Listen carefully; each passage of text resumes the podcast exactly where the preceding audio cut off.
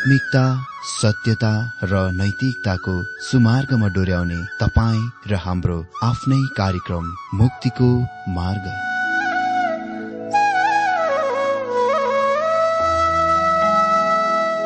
आदरणीय श्रोता यस मुक्तिको मार्ग कार्यक्रममा हार्दिक स्वागत छ आशा छ यस आत्मिक कार्यक्रमद्वारा जीवनमा आत्मिक आशिष अलौकिक शान्ति र आनन्द प्राप्त गर्नुहुनेछ। र जीवनमा धन्य अनुभव गर्नुहुनेछ। आउनुहोस् श्रोता मन र आत्माको तयारीको लागि यो मिठो अनि मधुर भजन गीत सुनौ।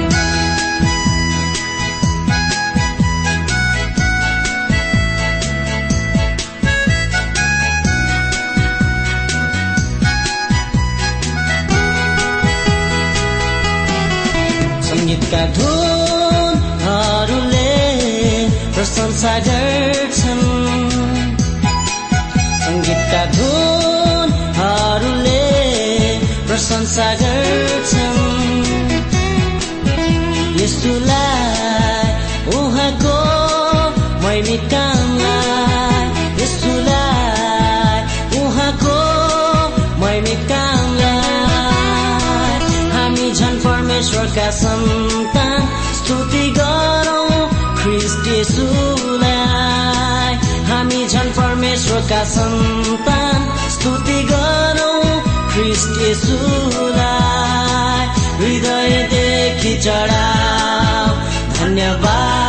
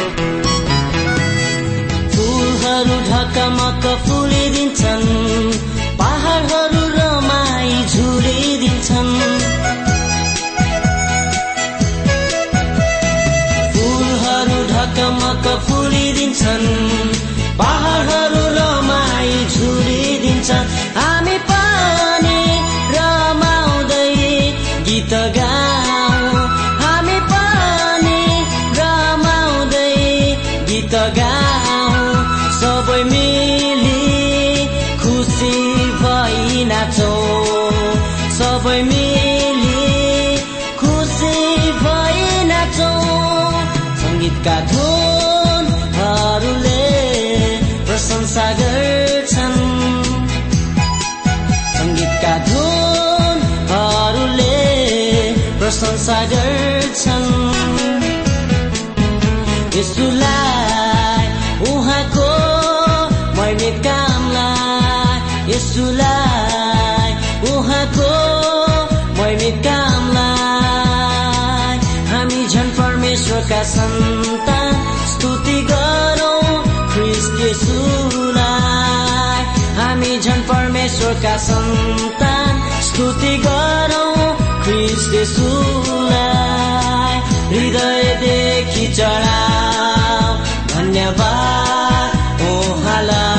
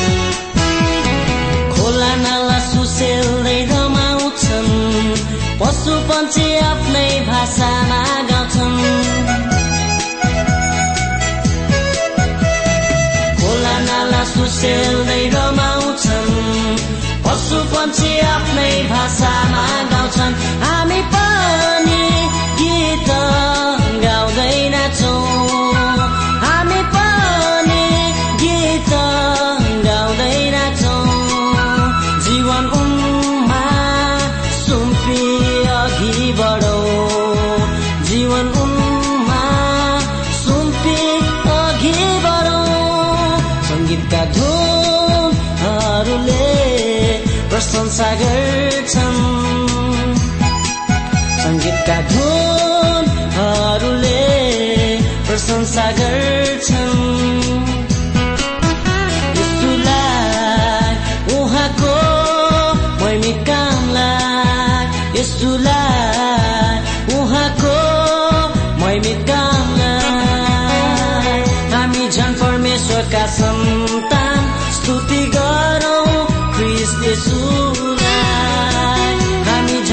परमेश्वरका सन्तान स्तुति गरौँ ख्रिस्ट हृदयदेखि चढाऊ धन्यवाद।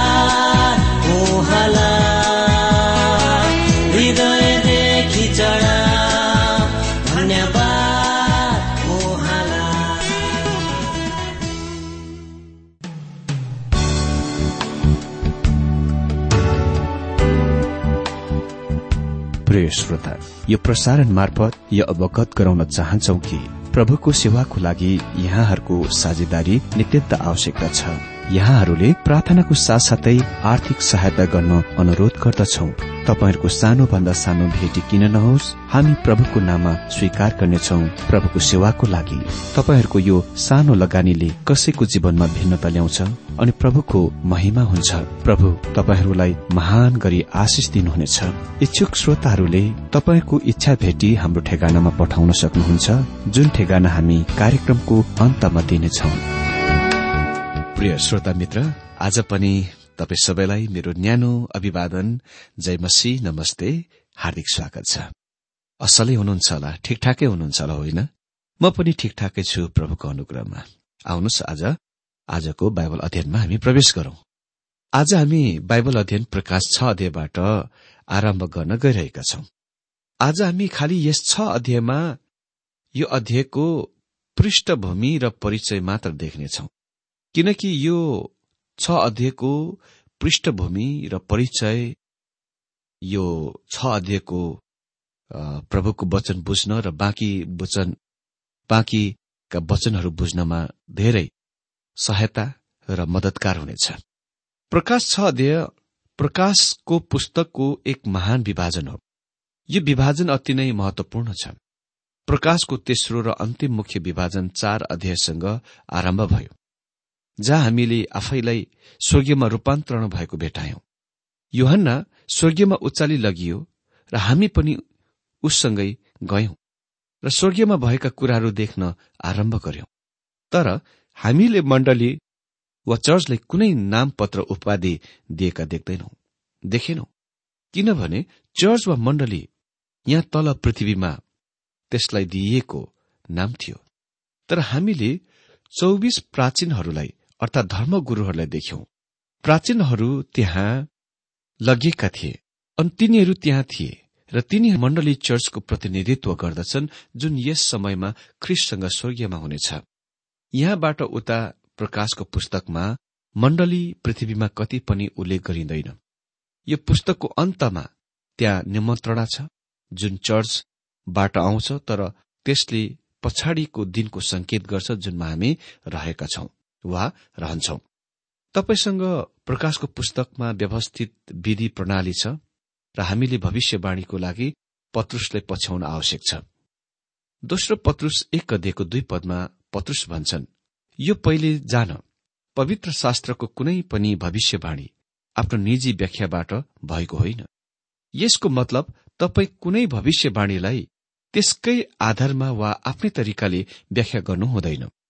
प्रत्येक भविष्यवाणी प्रणाली र कार्यक्रमको एक भागको रूपमा हेरिनुपर्छ र यो एक आपसमा वा अरूसँग पनि मिल्नुपर्छ। हामी छ अध्यायसम्म यतिन्जेलसम्म धेरैले बिर्सन्छन् कि युहनाले प्रकाशको पुस्तकमा व्यवस्थित क्रमबद्ध विभागको वा विभाजनको दिएका छन्। युहनालाई प्रकाश एक अध्ययको उन्नाइस पदमा भनिएको थियो। पहिलो तिमीले देखेका कुराहरू लेख। त्यो सामदानहरूको बीचमा प्रधान महापुजारीको रूपमा महिमित ख्रिष्टको महिमित दर्शन थियो जहाँ उहाँ पृथ्वीमाथि ज्योति वा प्रकाशको निरन्तर बोलाइरहनु भएको छ। दोस्रो भइरहेको कुराहरू लेख त्यो चाहिँ सात मण्डलीहरू हुन् जुनले पेन्टिकोस्टदेखि पृथ्वीमा चर्चको स्वर्गीय यात्रामा उठाइ लगिन्जेलसम्मका चर्चका वा मण्डलीको संसारिक वा लौकिक अनुभवको प्रतिनिधित्व गर्दछ। तेस्रो यिनका पछि हुने कुराहरू लेख। यो चाहिँ ग्रीकमा हो मेटाटाउटा चर्चको संसारिक संसारिक वा जीवन प्रवृत्ति प्रकाश तीन अध्यायमा खत्तम भयो।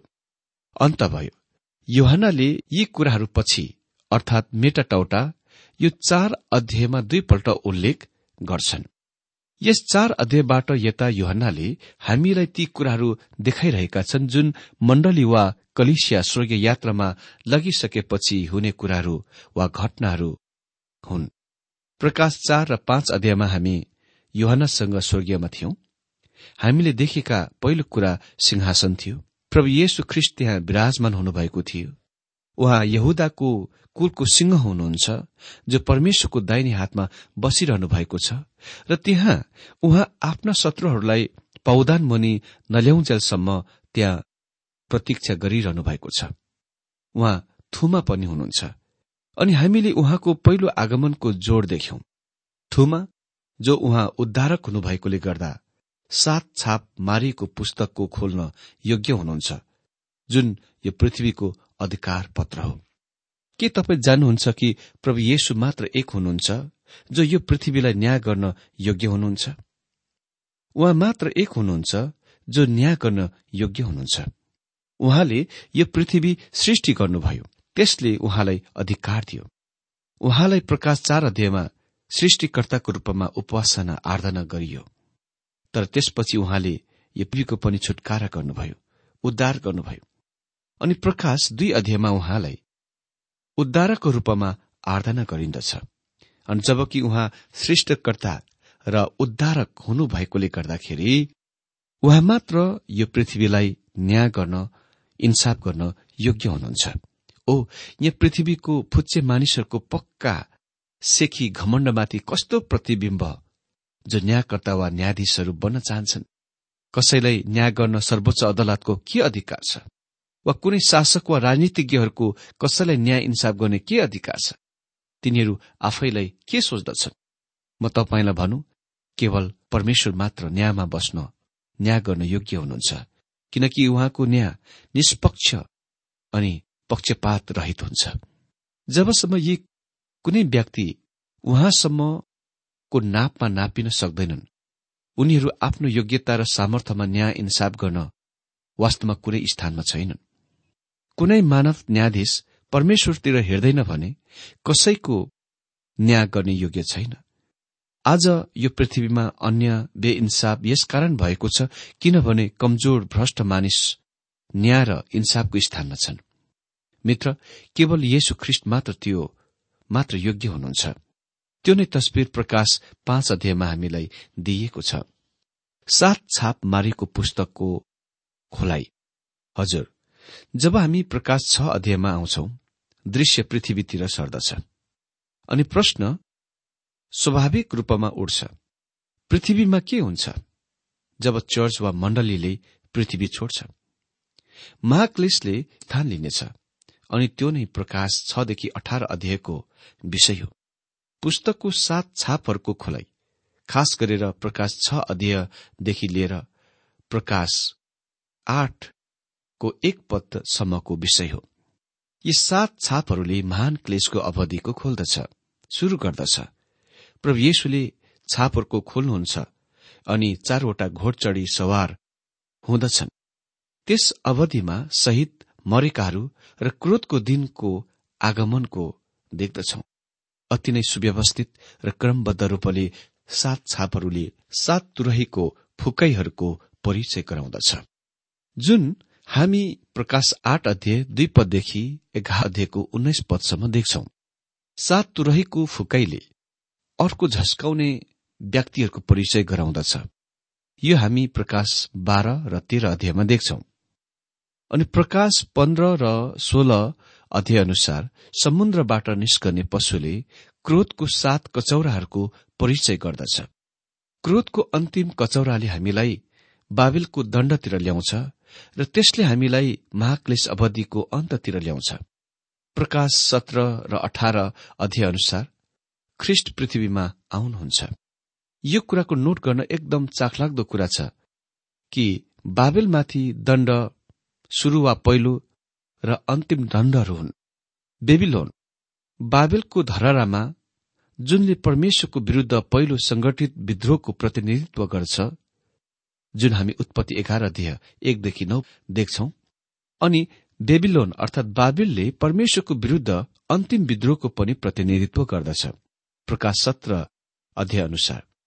दुवै धार्मिक रूपले र प्रकाश अठार अनुसार राजनीतिक रूपले परमेश्वरको विरूद्ध अन्तिम विद्रोहको प्रतिनिधित्व गर्दछन्।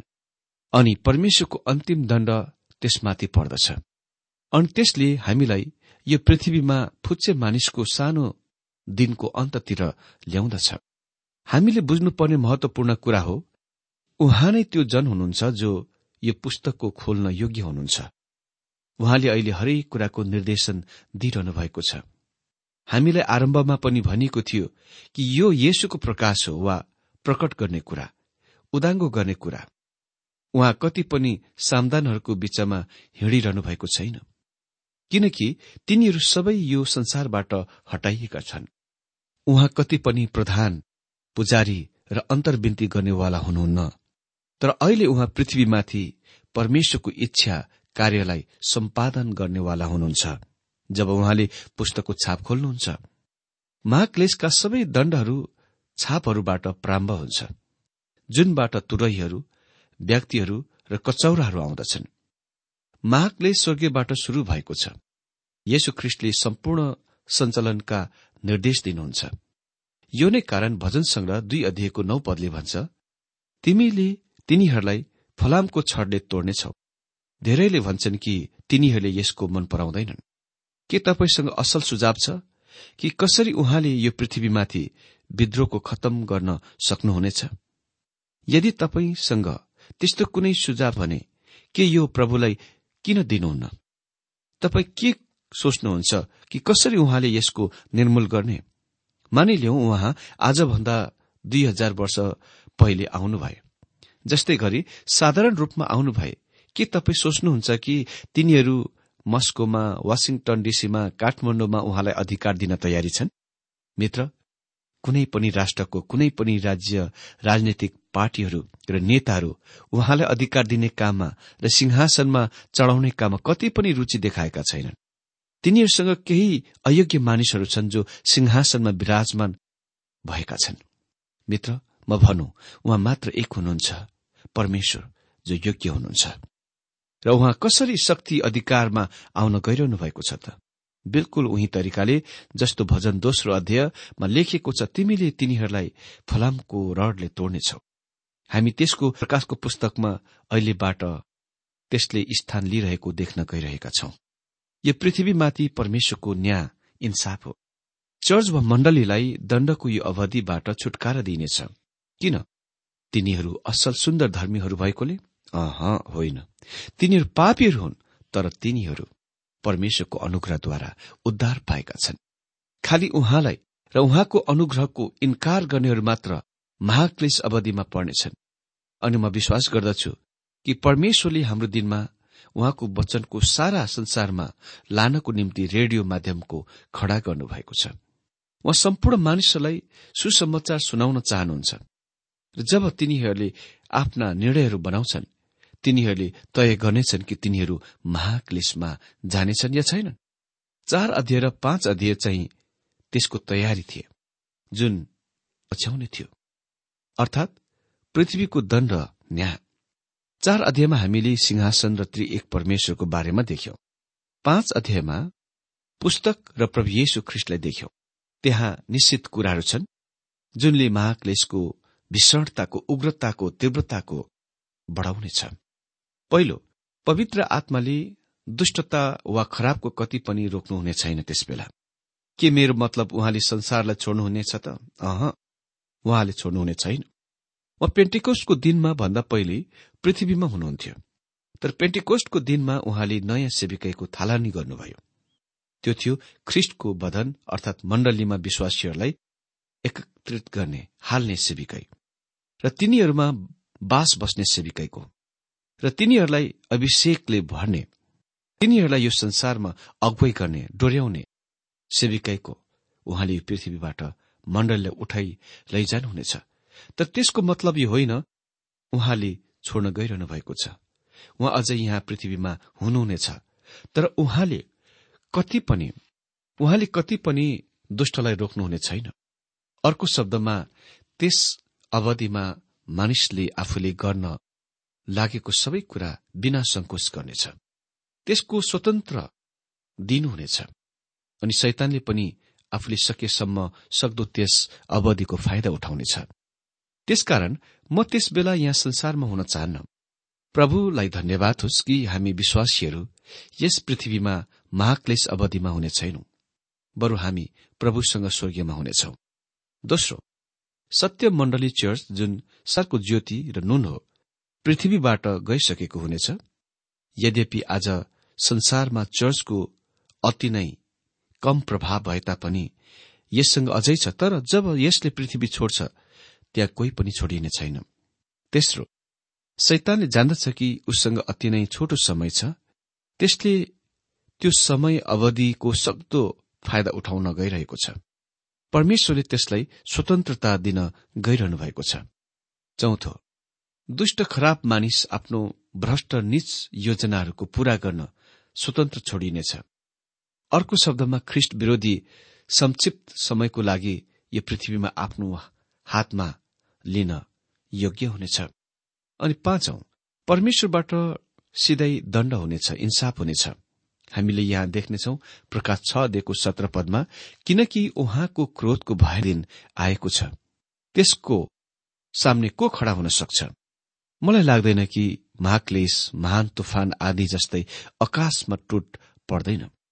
छापहरूको खोलाइ बिस्तारै बिस्तारै र क्रमबद्ध रूपमा हुनेछ। तिनीहरू एक समयमा एउटा मात्र खोलिनेछ। मित्र प्रकाशको पुस्तकले अर्थ बोक्छ अनि अर्थ दिन्छ। हामी यो अध्यायको मूल पाठतिर आएकोले गर्दा म यो कथन एकदमै होसियार साथ बनाउन चाहन्छु कि प्रकाश चार अध्यायबाट यता चाहिँ भविष्यको बारेमा बताइएको छ। अहिले यदि यो भविष्य हो भने र यदि हामी अझै मण्डलीको अवधिमा छौं हामी यहाँ उल्लेखित कुनै छापहरूको तुरैहरूको कचौराहरूको वा व्यक्तिहरूको हाम्रो दिनहरूमा फिट गर्न सक्दैन। म विश्वास गर्छु कि हामी मञ्चको तयारीको देखिरहेका छौं। तर म सोच्दिन कि आज यी मध्ये कुनै कुराले स्थान लिइरहेको छ वा भइरहेको छ। तैपनि हामी पाउँदछौ कि धेरै मानिसहरू यस खण्डलाई बिल्कुल त्यही तरिकाले व्याख्या गरिरहेका छन् अर्थ दिइरहेका छन्। यो निश्चय नै सनसनीपूर्ण हो अनि म अनुमान गर्दछु कि यसले धेरै श्रोताहरू पाउँछ र यस्ता धेरै पुस्तक बिक्री पनि हुन्छ। तर यो निश्चय युहनाले यहाँ लेखे अनुसार चाहिँ होइन। त्यो प्रसङ्गिक कुरा छैन। अहिलेसम्म यो कुनै पनि भएको छैन। प्रकाशको यो खण्ड जुनले सात मण्डलीहरूसँग व्यवहार गर्दछ त्यसलाई इतिहासमा फिट गर्न सकिन्छ। तर त्यसपछि आउने यी कुनै कुराहरूलाई तपाईँ इतिहासमा फिट गर्न सक्नुहुन्न। भविष्यवाणीको अर्थ खुलाइएको दुई महान प्रणालीहरू र भविष्यवादी र ऐतिहासिक दृष्टिकोणहरू वास्तवमा प्रकाशको यो बिन्दुमा प्रकट हुन्छ। ऐतिहासिक सिद्धान्त यो विचार लिँदछ कि सबै इतिहासहरू सबै इतिहासहरू हो र इतिहासमा फिट गरिन सकिन्छ। यद्यपि यो अति नै चाखलाग्दो कुरा हो कि ऐतिहासिक विचार दृष्टिकोणको मान्यहरू पनि भन्छन् कि यहाँबाट चाहिँ भविष्य हो। र अलि परसम्म तिनीहरूले यसलाई भविष्यको रूपमा हेर्छन्। अर्को शब्दमा तिनीहरू कति पनि इतिहासमा फिट गर्न सक्दैनन्। त्यसकारण त्यहाँ पचास विभिन्न व्याख्याहरू यो ऐतिहासिक विचार दृष्टिको अर्थ खुलाइबाट आएका छन्। जुन हास्यपद हाँस उर्दो व्याख्याहरू छन्। मित्र मेरो एकजना मित्र त्यस्तो बाइबलमा पढ्न गए जुनले यो विचार धारणाको मान्दथ्यो अर्थात ऐतिहासिक व्याख्याको। उसले प्रकाशको पुस्तकलाई इतिहासमा फिट गर्न प्रयास गरेको देखे। तर मेरो मित्र अघि पहिले निकै शास्त्रको ज्ञान भएका व्यक्ति थिए र उसले हरेक कुरामा प्रश्न गरे जुन अप्रासङ्गिक थियो जस्तै जब प्रकाशमा हामी देख्छौ शैतानलाई अघात खानमा कैद गरियो अनि त्यस कलेजले सिकाउँदथ्यो कि त्यसले पहिले स्थान लिइसकेको छ। अनि मेरो मित्रले प्रश्न गरे प्रोफेसर आज विश्वमा शैतानिक क्रियाकलापहरूको बारेमा कसरी व्याख्या गर्नुहुन्छ त? यदि त्यो कैदमा हालिसकिएको छ भने? उसले मित्रलाई उत्तर दियो उसलाई सङ्लाले बाँधिएको छ तर त्यसलाई लामो सङ्लामा बाँधिएको छ। यो चाहिँ गाई वस्तुलाई खेतबारीमा लामो डोरी लगाई किल्ला ठोकेर बाँधेको जस्तै हो। त्यो नै उसको स्पष्टीकरण थियो। अनि मेरो मित्रको टिप्पणी थियो सर मलाई लाग्छ शैतानलाई अति नै लामो सङ्लाले बाँधेको होला किनभने त्यो पूरा संसारभरि जान यताउता गर्न सक्छ। हेर्नुहोस् कस्तो हास्यपद कुरा। जब तपाईँ ऐतिहासिक विचारधाराको अर्थ खुलाइको मान्नुहुन्छ यस प्रकारका हास्यपद कुराहरू स्पष्टीकरणहरू आउँछन्। मित्र म भनौँ निश्चय नै युहनाले स्पष्ट बनाएका छन् कि अहिले हामी भावी कुराहरूतिर आएका छौं अनि यहाँबाटदेखि लिएर बीस अध्यायसम्म अझै भविष्य छ। हामी क्रमबद्ध तरिकामा पछिरहेका छौं। अनि कति पनि भन्न सक्नुहुन्न कि यी घटनाहरूले स्थान लिइरहेका छन् र तपाईँहरू यिनीहरूलाई इतिहासमा फिट गर्न सक्नुहुन्न। अह हामी अर्को दिनदेखि निरन्तर छ अध्यायबाट बीस अध्ययसम्म ती भविष्यवाणीका कुराहरू वा भविष्यमा घट्ने कुराहरूको बारेमा हेर्नेछौं।